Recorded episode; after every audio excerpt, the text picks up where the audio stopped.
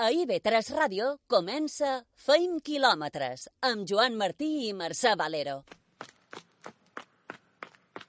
Aixecat amb ganes de cercar la llibertat, de posar-me xandall i deixar d'estar aturat, agafar-se de velo i bugar al contravent, ser capaç de creure que pots el meu millor intent. Corre! Corre! Corre per viure, per riure, per competir, per compartir. Corre per ser feliç. Corre per ser lliure. I want to break free. I want to break free. I want to break free from your lies. You're so self-satisfied. I don't need you. Feim quilòmetres i feim avui el programa número 100. Dèiem el primer dia, un dilluns de maig de 2016, que no veníem aquí a guanyar ni a ser més ràpids. Veníem, simplement, a fer quilòmetres, a córrer lliures, perquè de so va aquesta cursa, de so va aquest programa, de passar-s'ho bé. I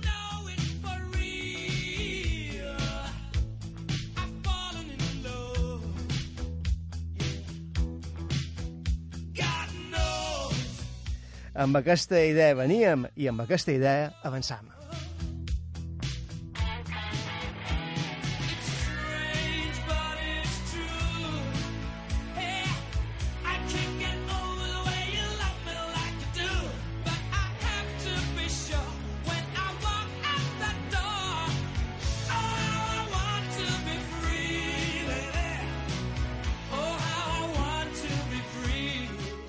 I qui avança i corre lliure pel món és Mario Mola, segon classificat ahir al Leeds i líder de les sèries mundials de triatló. I lliure ha corregut i corre Emilio de la Càmera. Té 73 anys i no atura. Parlarem avui amb l'atleta amb més medalles internacionals de la història de l'atletisme a Espanya. Per cert, sortir a córrer enguany és més barat que l'any passat. És el resultat d'un estudi que compara preus de diferents webs. Ara en parlar. Lucía Barca, fisioterapeuta, infermera esportiva i coach nutricional de Menorca Trainers, parla avui de com evitar les rampes a les cames.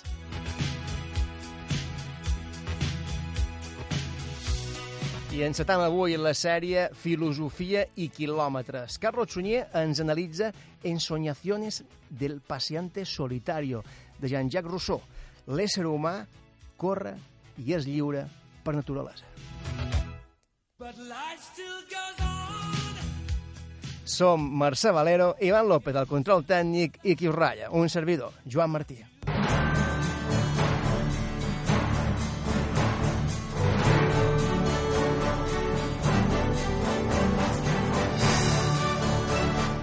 Segon lloc de Mario Mola a Leeds. És la quarta prova de l'any de les sèries mundials de triatló. El mallorquí manté el lideratge d'aquestes sèries.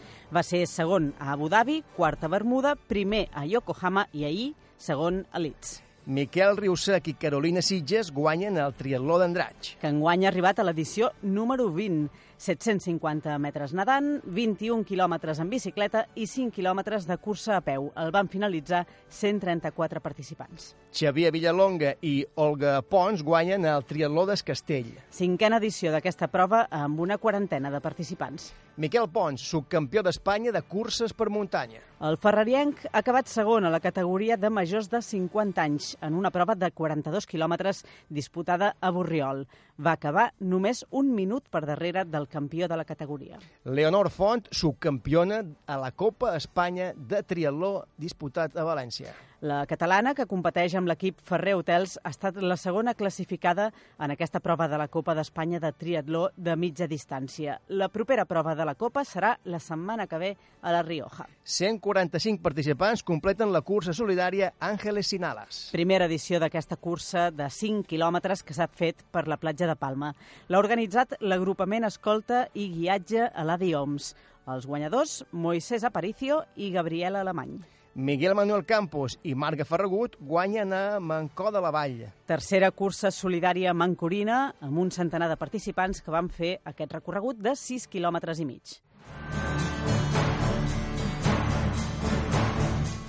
I, segons un estudi, sortir a córrer enguany és més econòmic que l'any passat. I això? El web Idealo.es, que compara preus de diferents webs, ha analitzat què es gasten els corredors de mitjana en equipament i resulta que és entre un 7 i un 10% més barat que el 2017. Segons aquesta anàlisi, un corredor principiant es gasta 93 euros i aquests 93 euros inclouen sabatilles, cançons curts i camiseta. I tu i jo devem ser intermitjos, o, o Sí. intermitjo, entre dues i tres vegades per setmana que gasten aquests. Mira, doncs segons aquest estudi, corredors com tu compren, atenció, sabatilles, calcetins esportius, dos calçons curts, malles, guants, pulsera d'activitat per mesurar el rendiment, una jaqueta tallavents, una camiseta tèrmica i uns auriculars, que déu nhi I aquests, diu aquest estudi, que es gasten 530 euros de mitjana. Jo, jo t'he dit, Mercè, que hi ha excepcions. Sí, no? Jo en sóc una, per exemple. I, I els avançats, i si els intermitjos se'n gasten 530, segons aquest estudi, que, que abans, que, que es gasten? Els avançats gairebé el doble, segons aquest estudi. Calculen que compren tres tipus de sabatilles diferents, diverses peces de vestir esportives, un rellotge especialitzat i fins i tot un frontal. Entre tot això, segons Idealo, els corredors avançats gasten de mitjana 1.186 euros. Vale. La verdad que, que correr mola.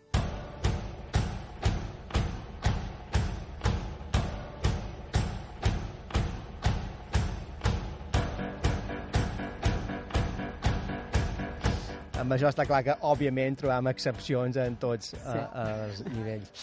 Uh, I a més de trobar-nos aquí, a Beta Ràdio, també som a les xarxes socials. Sí, eh, som a Facebook, som a Twitter, també a Instagram i a Spotify. També tenim una pàgina web, que és fenyquilòmetres.com, on hi penjam notícies i les entrevistes que fem aquí en el programa. També ens podeu trobar a la llista FKM de Spotify, és la llista Fent Quilòmetres, i allà hi posem tota la bona música que sona en aquest programa.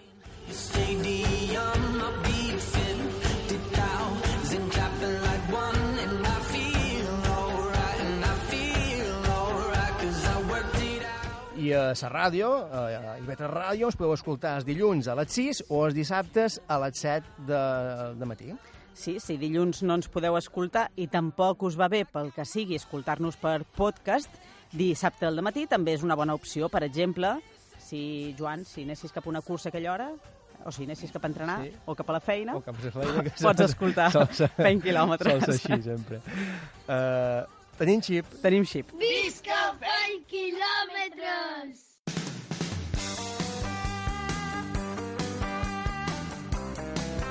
El xip de la setmana.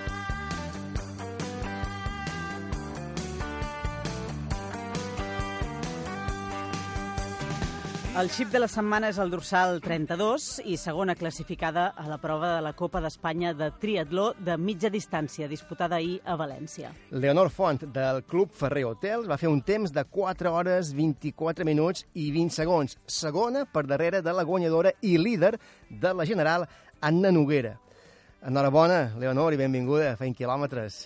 Moltes gràcies, moltes gràcies per la invitació. Com estàs? Satisfeta amb, amb aquesta cursa, amb la teva cursa? Sí, molt contenta, la veritat, sí, perquè fem molta feina, treballem molt, entrenem molt, moltes hores i al final el resultat per males hores veu plasmat o no en un dia, en unes hores determinades i que surti la feina feta és, és un plaer. Va ser una carrera molt disputada i ajustada en els tres sectors, no? Perquè si, si en el primer sector de natació eh, Anna Noguera ja us treia, crec que era un minut en, en el grup que veniu després, eh, tu vas fer el sector més ràpid a cursa a peu. Sí, el veritat és que el nedar no és el meu fort i sabia que l'Anna anava molt fort en aquest sentit. Aleshores, jo el que faig sempre és aprofitar la carrera a peu per arribar a treure tots aquests minuts que m'ha pogut retallar l'aigua. I la veritat és que, bueno, m'havia tret més del que jo em pensava i no em va donar temps d'agafar-la. Uh, Leonor, aquesta prova s'ha disputat a, a València. Tens pensat córrer també a la cita de la setmana que ve, a la Rioja? No, ara, ara estic preparant ja l'Ironman de Frankfurt d'aquí quatre setmanes, que és un dels grans objectius anuals perquè em vull classificar pel Mundial de, de la distància a Hawaii. Aleshores ara toca posar molts i molts de quilòmetres amb molta qualitat i no puc estar competint cada setmana perquè destrossa molt físicament. O sigui, podem dir que aquest triatló, aquesta prova de la Copa d'Espanya eh, a València està com una preparació per l'Ironman de Frankfurt. Sí, correcte. Ha sigut una puesta a punto entremig de tota la planificació i la veritat ha sortit bé. La feina està sortint tal i com la tenim prevista amb Ivan Muñoz i ja encaminats d'aquí quatre setmanes al gran objectiu. Clar, Ironman de Frankfurt, ja són paraules majors, no? Aquí la distància es duplica, a més a més. Sí, es duplica. Ja no només la distància, sinó l'esforç mental que has de fer. Jo ja no dic que es duplica, es triplica, es quadriplica, ja és tot un món. I l'objectiu dius que és classificar-te per al Mundial, però l'objectiu dins la prova de Frankfurt eh, és fer podi? Sí, fer podi sí, però sobretot poder optar a aquell eslot no? tan valorat per tots els triatletes que només uns pocs elegits poden, poden arribar ja a la meca del triatló i la veritat doncs m'agradaria molt.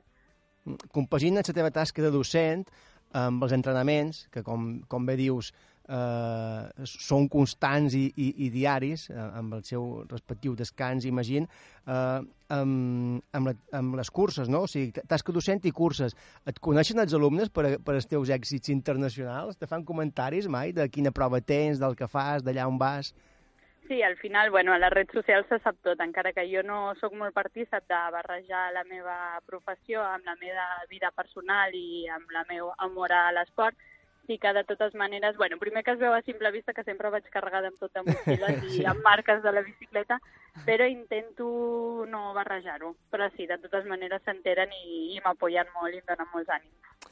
Molt bé, Leonor Font, segona classificada a la prova de la Copa d'Espanya de triatló de mitja distància, disputada ahir a València. Enhorabona i molta sort ara a l'Ironman de Frankfurt, que serà quin dia?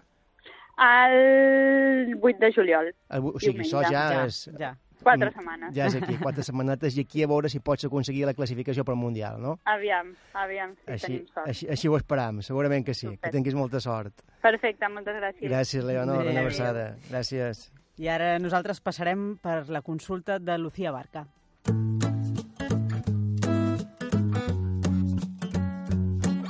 L'avituallament.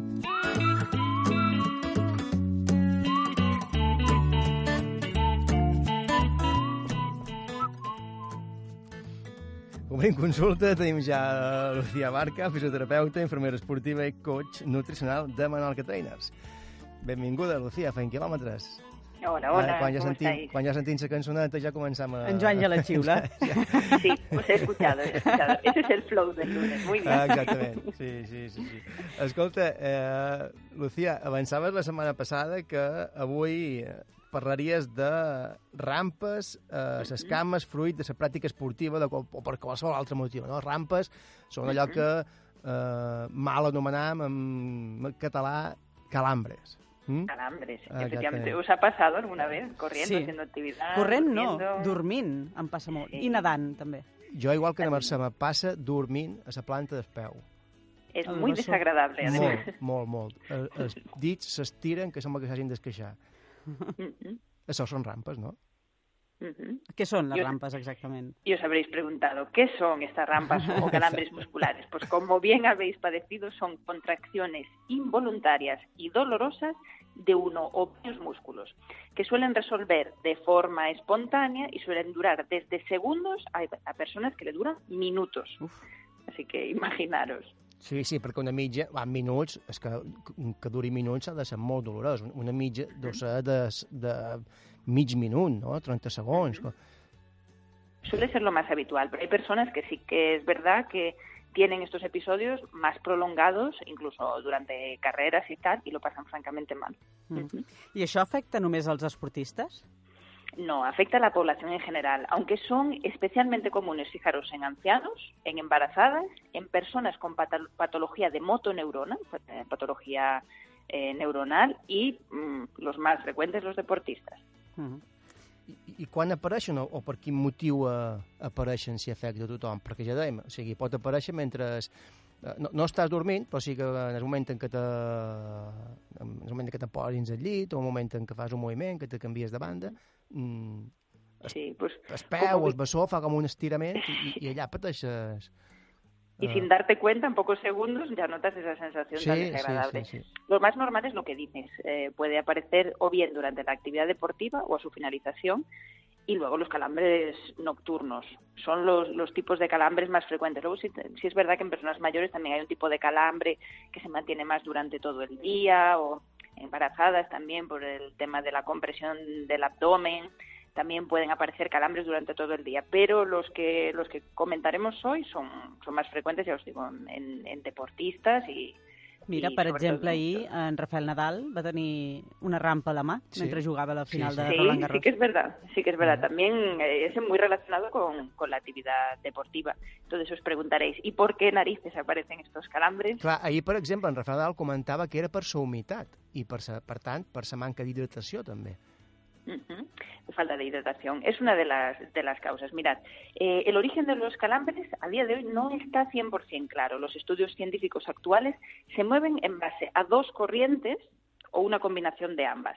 La primera es deshidratación y disminución de, de electrolitos, por ejemplo, sodio, potasio, magnesio, que esta es la idea más tradicional. Luego se han ido incorporando nuevos estudios que nos hablan de una alteración del control neuromuscular, que esto es un error de la comunicación entre el cerebro y los receptores del, del músculo. Y esta teoría cada vez tiene más adeptos, aunque también hay muchos autores que coinciden en una combinación de ambas. Com un curt-circuit seria, o?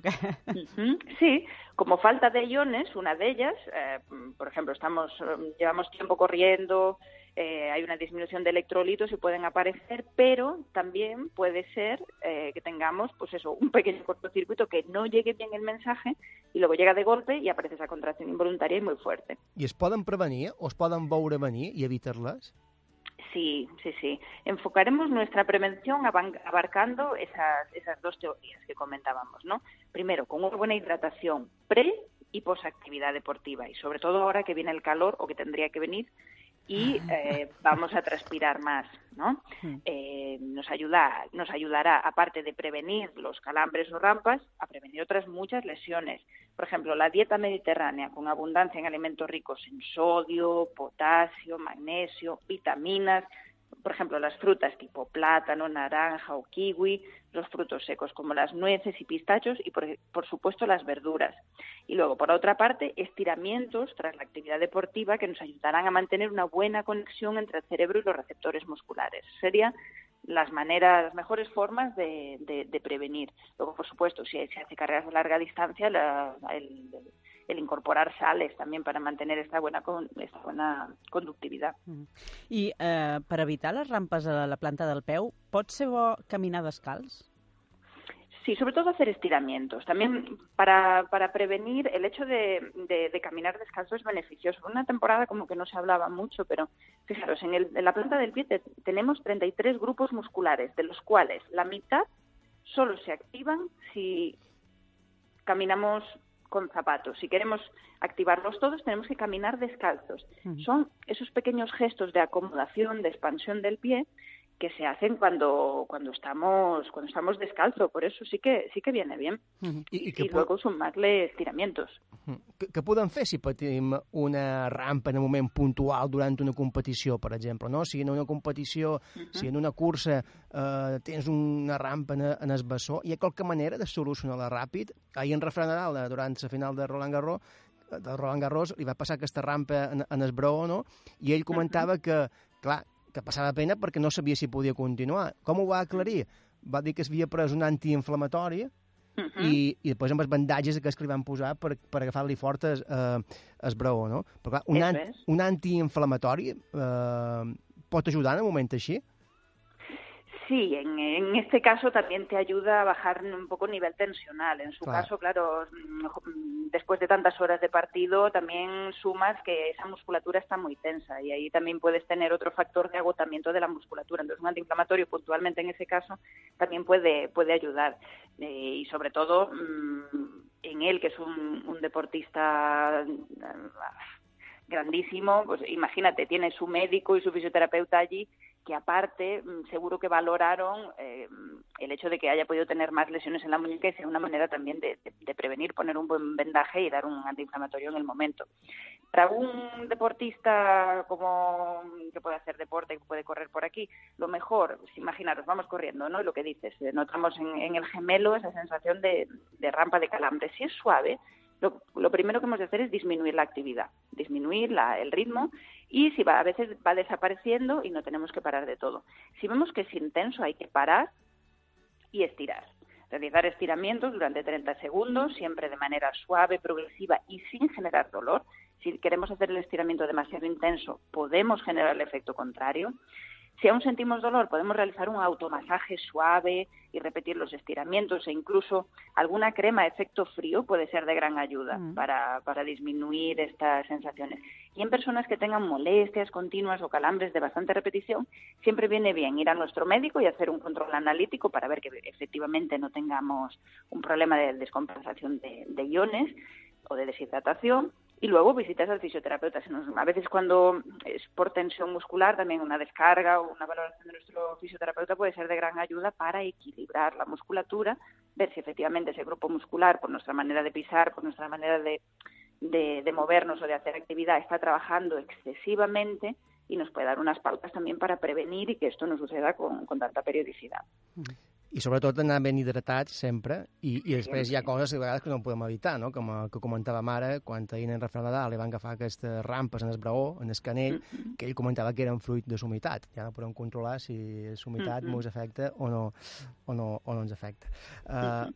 Molt bé, Lucía. I la setmana que ve quina proposta tens?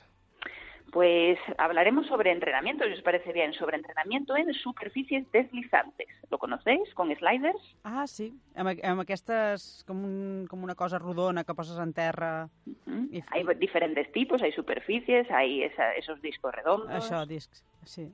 La setmana que ve, entrenament sobre superfícies lliscants. Eh? O sigui, Ujú. no, Curiós. Jo, jo no ho he sentit. No? La setmana que ve m'ho expliques? Eso es. Ah, Lucía. Molt bé, moltes gràcies, Lucía Barca, fisioterapeuta, infermera esportiva i coach nutricional de Menorca Trainers. Dilluns que ve, eh, entrenament sobre superfícies lliscants. Sempre, sempre aprenem amb aquesta vegada. Eh? Muy bien. Adéu, una Adéu. abraçada. Un beso grande. Adéu. Adéu. Fem una aturada i tornem tot d'una. Zona d'avituallament. Tot d'una continua, feim quilòmetres. L'entrevista. Entreno para ganar. si no gano, correría para un poco de salud, pero si entreno un poco más fuerte de lo normal, entreno para ganar. Demostrado está. Són declaracions que feia el nostre protagonista d'avui després de guanyar a Lió el seu darrer Mundial. Llavors tenia 71 anys.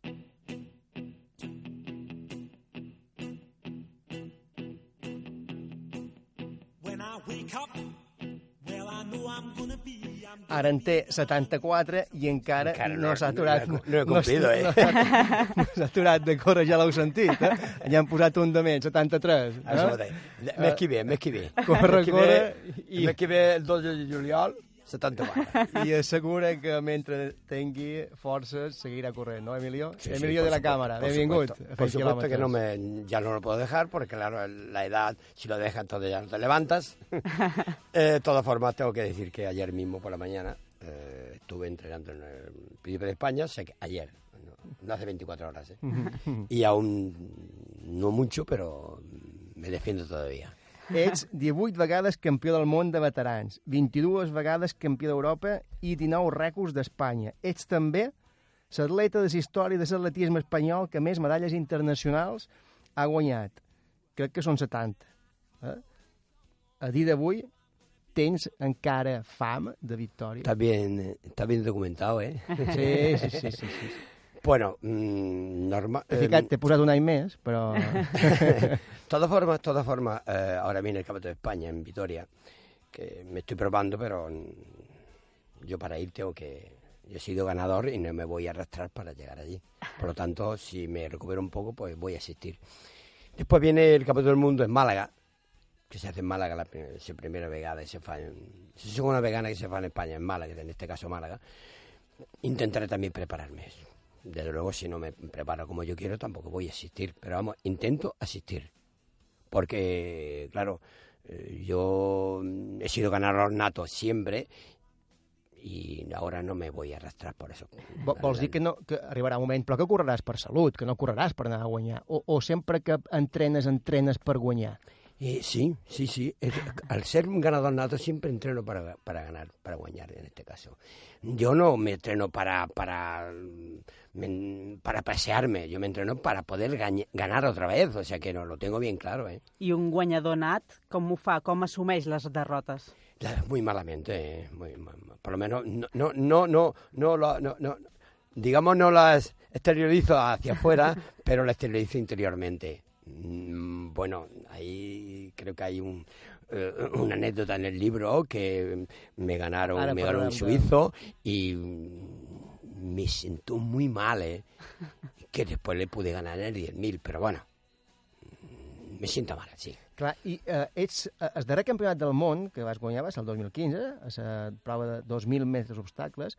Eh, En quina prova sents més còmode, però? En el 2.000, en el 5.000 o en el, o en el 10.000? Perquè són I- les teves especialitats. Sí, sí, sí, yo me encuentro más cómodo en el 10.000, porque ahí tienes margen de, de- de maniobra. Digamos que son 10.000 metros, eh, vas en grupo, se van, de- se, van, se van quedando atrás los, los que no pueden, quedamos un grupito y ahí tienen margen de maniobra y piensan más con la cabeza. Cómo vas a atacar, cómo vas, cómo no vas.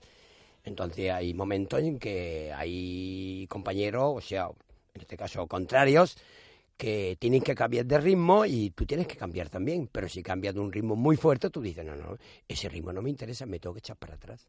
Esto no, no es fácil, es muy complicado, ¿eh? És un, un joc d'estratègies, eh? Efectivamente, es táctica y estrategia pura. Parlàvem amb Emilio de la Càmera. El 2010 va ser nomenat millor atleta espanyol i millor veterà. Tens una trajectòria i un palmarès que no podem comptar ni amb un ni amb dos programes, però sí que ha quedat explicada en el llibre que ara comentaves tu, Com ser campeón del mundo a los 70 años, escrit conjuntament amb el teu fill. Com ha estat aquest procés d'escriptura pare-fill? Eh, de todas formas, esto hace ya, el libro este, hace ya lo menos, hace aproximadamente 13 años, en Coslada, en Madrid, una esposa de un atleta, compañero, me dice, no sabía quién era, me ve allí, me dice, Emilio, tú tendrías que escribir un libro. Digo, pero, ¿un libro? Claro, yo me, me extraño. Pues mira, no, no era mala idea. Ya había ganado, no había ganado an- lo que había ganado hasta ahora, pero bueno, era una buena idea.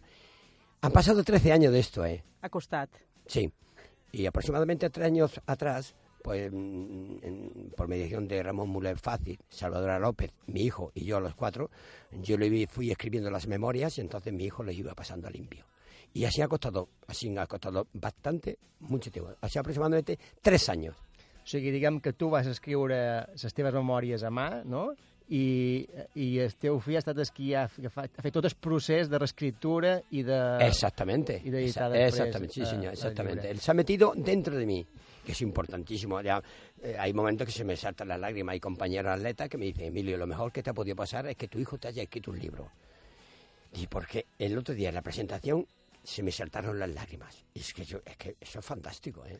Clar, perquè imagino també que ha estat una feina molt conjunta. A la vegada que ell revisava, t'anava fent preguntes, també, no? Efectivamente, nosotros hemos, hemos estado mm, lo menos tres horas en casa de mi hijo y hablando papá esto, papá lo otro, y explícamelo, no me lo expliques, esto no me va bien, esto sí me va bien. En fin, ha sido un proceso bastante complicado. ¿no?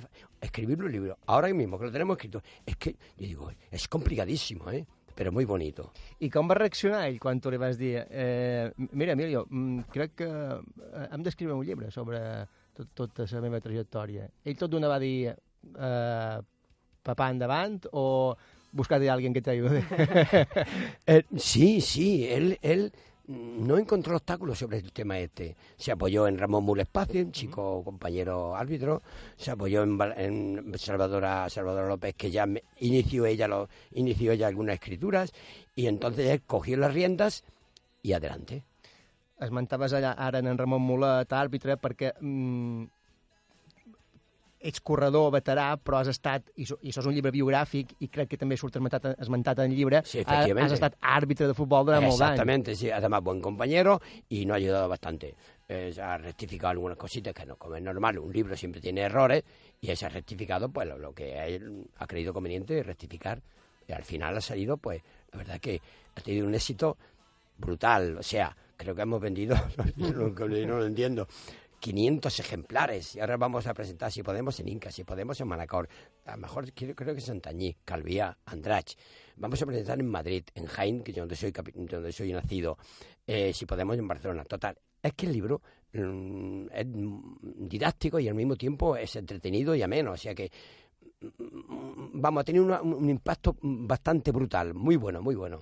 Perquè no Perdona, és simplement... perdona, sí. los mismos compañeros, o sea, los mismos, te lo compran porque porque claro, los compañeros alguna vez tú sabes que, digamos, se ponen un poco celosos porque un libro ha sido como ha sido, pero nada, nada, ellos no, a- al revés, te han adquirido el libro para leer la historia mía entera, íntegra. Però no és només la, la teva història, no és només biogràfic el llibre, no? També és didàctic, també té una part didàctica. Claro, una parte didáctica, biografía, anécdota, eh, planes de entreno, es que tiene todo. Clar, didàctica en el sentit que hi ha, un, hi ha programes d'entrenament, també, no? Exactamente. Això, això el que m'ha- cridat l'atenció, però, és que tu mm, me comentaves un dia que mai has tingut entrenador. Es muy buena esa pregunta, porque todo el mundo me lo pregunta. No, mm, más bien por mi trabajo también. Por no tener tiempo, oye, mira, quedamos a las 11 y tal. Y yo no, yo tengo mi trabajo y tengo que comer de mi trabajo. Por lo tanto, mm, no puedo. Digamos a distancia, vale, pero es que ni a distancia. ¿Por qué? Porque yo me conozco el cuerpo. Yo tengo que entrenar una serie a este ritmo y, y que me diga el entrenador y digo, no la he cumplido. Total, yo, yo me, me autoentreno, uy, hoy no me sale bien, pues voy a poner un poco más fuerte, pues voy a poner un poco más, fla- más flaja, porque yo he roto plan de entreno porque no lo he podido conseguir. Al final das con la tecla y aciertas. Mm, I tu, I tu avui, eh, avui en dia encara entrenes cada dia? Sí, ya te dije anteriormente, que hace cinco minutos, que estuve entrenando ayer por la mañana. I avui eh, també. Con, hoy también, ahora mira, yo, yo tengo, los, tengo la bolsa en, el- en la furgoneta para ir a entrenar. Porque, porque si es que si los dejas no va bien. Entonces, te hacen un plan de entreno, claro, no como antes, ahora un poco más flojitos, y algunas veces no los cumples, porque las articulaciones eh, no van bien. Però jo... Quant, quant, temps, quant, quant, quant temps sols dedicar a un entrenament? Quants, quant, quant temps corres? Mira, eh, yo mm, un entrenamiento cuando yo competía fuertemente, o sea, anterior hace 15 años o 18 años, yo perdía tres horas largas. Tres horas o cuatro horas largas. Ahora me quitan dos horas y media, tres horas también, o sea que... eh, es que, claro, eh, mm, si quieres conseguir algo, tiene que haber un entreno que pueda sacar sus frutos del entreno. Lo que no puede ser es que diga, bueno, voy allí, Eh, uh, es- es- es- corro media hora, eh, me voy a casa. No puedes conseguir nada. Pots fer salut, com deies, no? Eh, eso, eso, media hora es hacer salud. Pero si quieres competir, tienes que perder tres horas, ¿eh? Mhm. Has escrit un llibre, eh, ets el corredor de història amb més medalles internacionals al atletisme espanyol, i a més a més, una cosa que és molt es, es, es curiosa, que és que hi ha un cross ja amb el teu nom. Ah, sí, también. Ah, la- hi ha el cross de la porcina eh, eh, Emilio de la Cámara. Sí, sí, el club anterior, hace cuestión de 20 años aproximadamente, el club creyó conveniente de poner el cross a mi nombre, el cual estoy agradecido. Eh, está Fernando Mejías, que es un chico con muy compañero, que se le ocurrió la idea y, y el club aceptó. I sols participant en aquest cross també Sí, tu, sí, no? sí, yo, yo participo, yo participo. que es muy bonito participar y encima que lleva tu nombre. Mhm. Emilio de la Cámara, moltes gràcies per haver estat... Eh, tengo que... Es mi última, ¿no? Y es No, no, pues di lo que dedicado, dedicado a mi esposa, porque, vamos a ver, si, si a ti te deja ella hacer lo que a ti te gusta, ella es la principal artífice de ganar las medallas, no yo.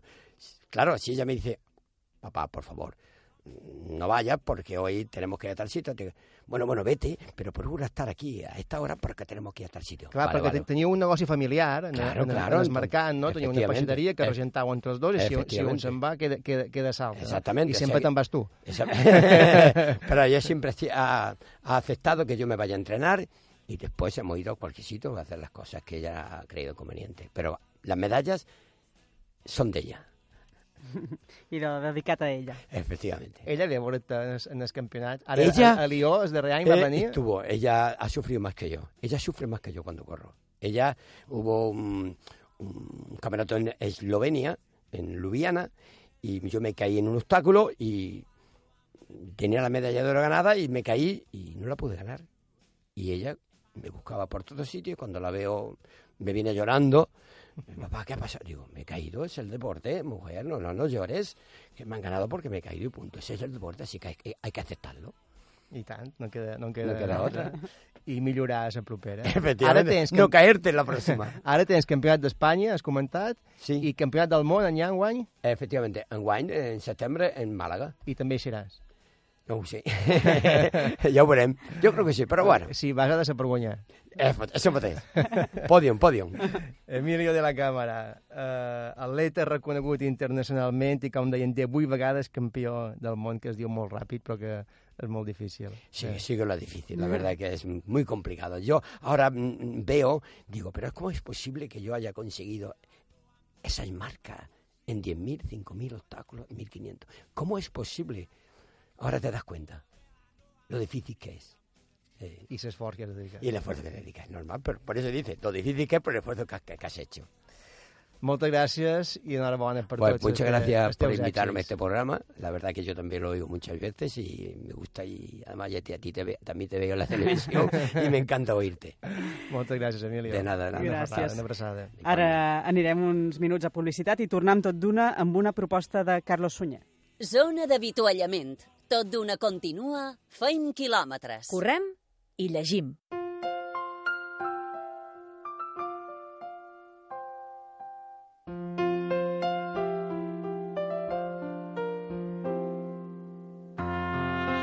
Dins aquesta secció de Correm i llegim, encetam avui una minissèrie de dos capítols. Una minissèrie que hem titulat Filosofia i quilòmetres. I us demanareu què tenen a veure una cosa amb l'altra.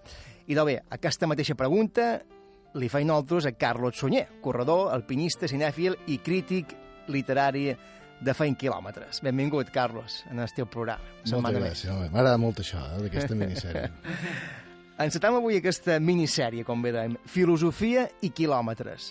Primera pregunta, què té a veure la filosofia com a disciplina d'estudi de l'ésser humà i el simple fet de sortir a fer quilòmetres?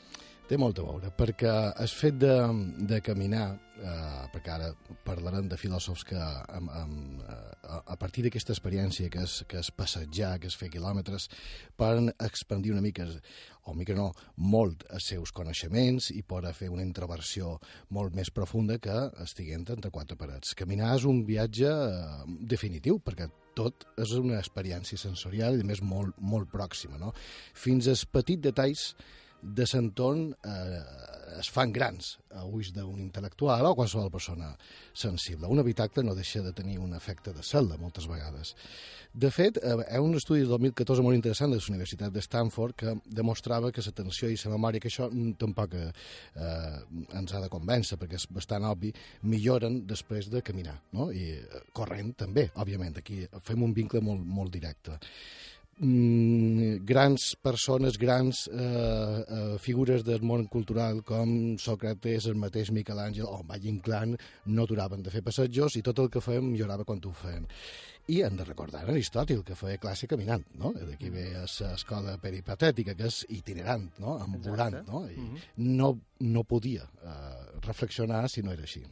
Bé, per aprofundir en aquesta resposta, avui ens proposes Ensoñaciones del paciente solitario, de Jean-Jacques Rousseau. Mm, què hem de saber primordial d'aquest llibre? Molt bé, aquest llibre, que se va començar en 1776 a, a París, eh, en Rousseau no el va acabar perquè, perquè va, va morir abans de que, de que pogués eh, concluir. Ell estava com a convidat en el castell de Ouidiver, Hermenbonville. Toma ja. Jo, jo, eh? jo, el, el manco... Eh, Ho sí, ho fas amb convenciment. Sí, sí, sí. Ell tenia 65 anys. Eh, pensem que eh, en Rousseau, a part de filòsof, era escriptor, era músic, era botànic, era tot un conjunt molt interessant que abarcava una fusió de, entre... Era un romàntic, era un, un, era un, un autor clàssic, era, era, era una gran combinació i era molt interessant tot el que feia. I era molt observador eh, i molt naturalista, a més Per tant, ell necessitava aquests passejos i necessitava estar envoltat de natura, natura verge, si era possible. Per ell era una metàfora de- d'un humanisme pur, és a dir, un humanisme molt autèntic. I ell enllaça aquests passejos, aquests promenades, això segur que no ho he dit bé, però també ho he intentat, Promenades. amb idees arrelades en els seus grans tractats, no? desigualtat dels homes, el poder dels pobles, la voluntat ge- eh, general, en definitiva, que aquest passeig era com un repàs de tot el que havia eh, escrit en el passat. Eh, aquest llibre, per tant, està dividit en 10 capítols, el darrer, com deies, inacabat, i cada capítol correspon a una de les seves caminades, que són reflexions no només filosòfiques, sinó també científiques. I cada capítol o passejada respon a un gran tema. Quins grans temes són aquests que tracta? Que aquestes caminades són les promenades. Que, efectivament, que, que, efectivament, sí, sí. aquestes són les caminades. A més, en Rousseau eh, s'empleava ell mateix com a objecte d'observació. Eh, a més, era un aventurer, però un aventurer intern, no? perquè sempre estava explorant i eh, eh, analitzava la seva pròpia conducta, el seu raonament, per poder entendre el, el raonament general de l'ésser humà. Aquests, um, aquest, aquest llibre, que de fet, ell té 12 llibres d'una autobiografia que es fan ja, són interessants per fan ja.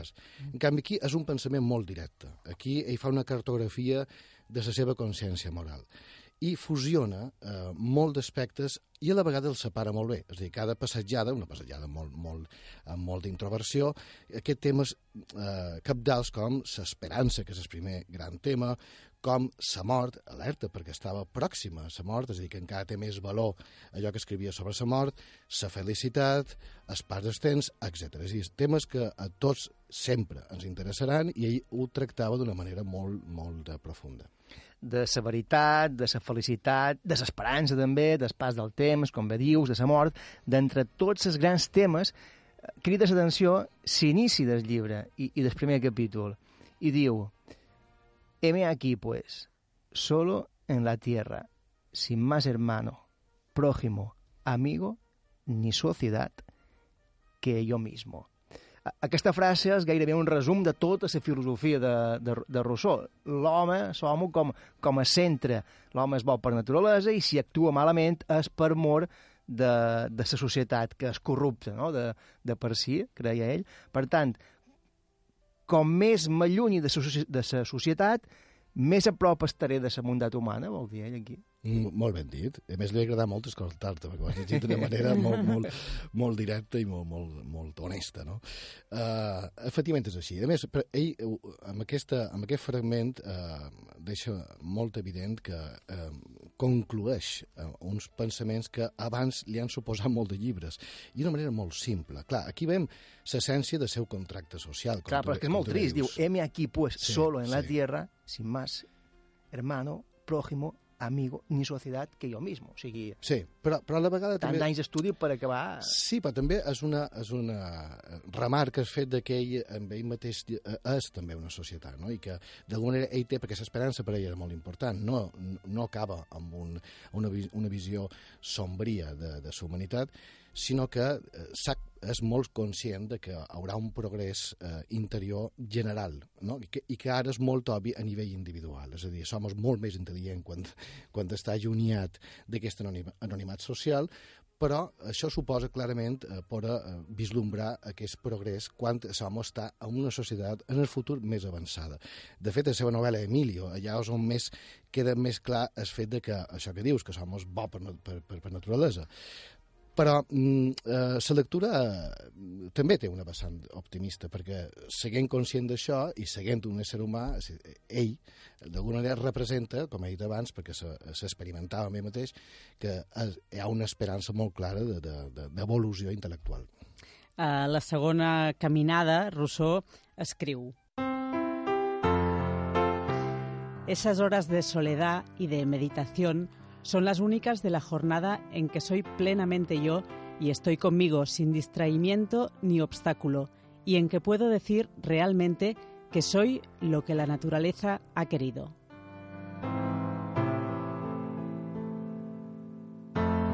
I això té molt a veure amb la introspecció que, que comenten molts corredors i ens recorda també títols tan actuals com aquell de Corre per pensar i sentir, d'en Francesc Torralba. Sí, podem establir clarament un vincle, efectivament. Uh, en, en Rousseau, quan De passa... fet, Francesc Torralba segurament havia llegit Ensoñaciones. Segur, o segur, segurament. segur. És un filòsof i ha llegit perquè té, té, té molt a veure, hi ha un paral·lelisme, un paral·lelisme bastant evident. Eh, en Rousseau, quan passejava, eh, eh, perdia una mica la consciència d'on era. No obstant, era tan disciplinat que eh, quan el van passar eh, allà on estigués posaven els rellotges a l'hora, és a dir, Mm. era tan metòdic que necessitava fer eh, aquestes passejades per posar en ordre els, seu, els seus pensaments i, i les seves emocions. Aquestes, eh, aquestes ensoñacions són passejades ascètiques també, ha una introversió intel·lectual molt potent i està, eh, quan ell passeja està acompanyat d'ell mateix, no? com un corredor està acompanyat no, no se sent tot sol no? Eh, diria que, que la similitud és tan evident que eh, hi ha una sortida de, de, de, de, de, de l'anonimat que fa que cresqui aquest, aquesta sensació d'entendre de, de, de la teva realitat, ja independentment de dels altres. Per tant, m'agrada molt aquesta, aquest paral·lelisme que heu establert. Sí, però eh, és curiós perquè com més quilòmetres fa, més reflexiona, no? Sí. És el que dèiem aquí, però eh, com a filòsof viu feliç dins aquest estat de reflexió i, i meditació, però com més reflexiona, també més se n'adona mm. de la fragilitat de tot. Sí, però... Um, I per tant és com a més infeliç, també. Sí, però aquesta melancolia agradable de, de, de savi, no? de que eh, se n'adona de realitats i això també provoca una satisfacció perquè és, és, són descobriments no? I, i també el recol·loquen el recol·loquen i, i el moment que ell reflexiona, el moment que després ell, ell escriu, hi ha una felicitat, malgrat, com passa molt de filòsofs, malgrat ell aquesta, aquesta ombra de, de, de, de, de preocupació per, per l'entorn humà i social en general. I en aquest sentit també hi ha un fragment molt clar.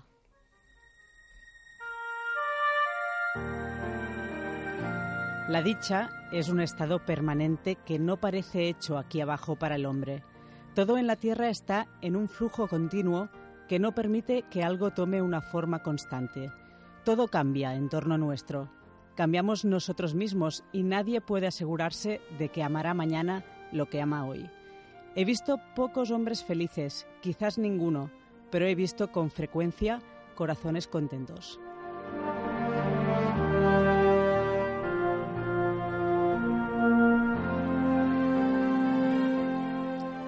Tractat de vida.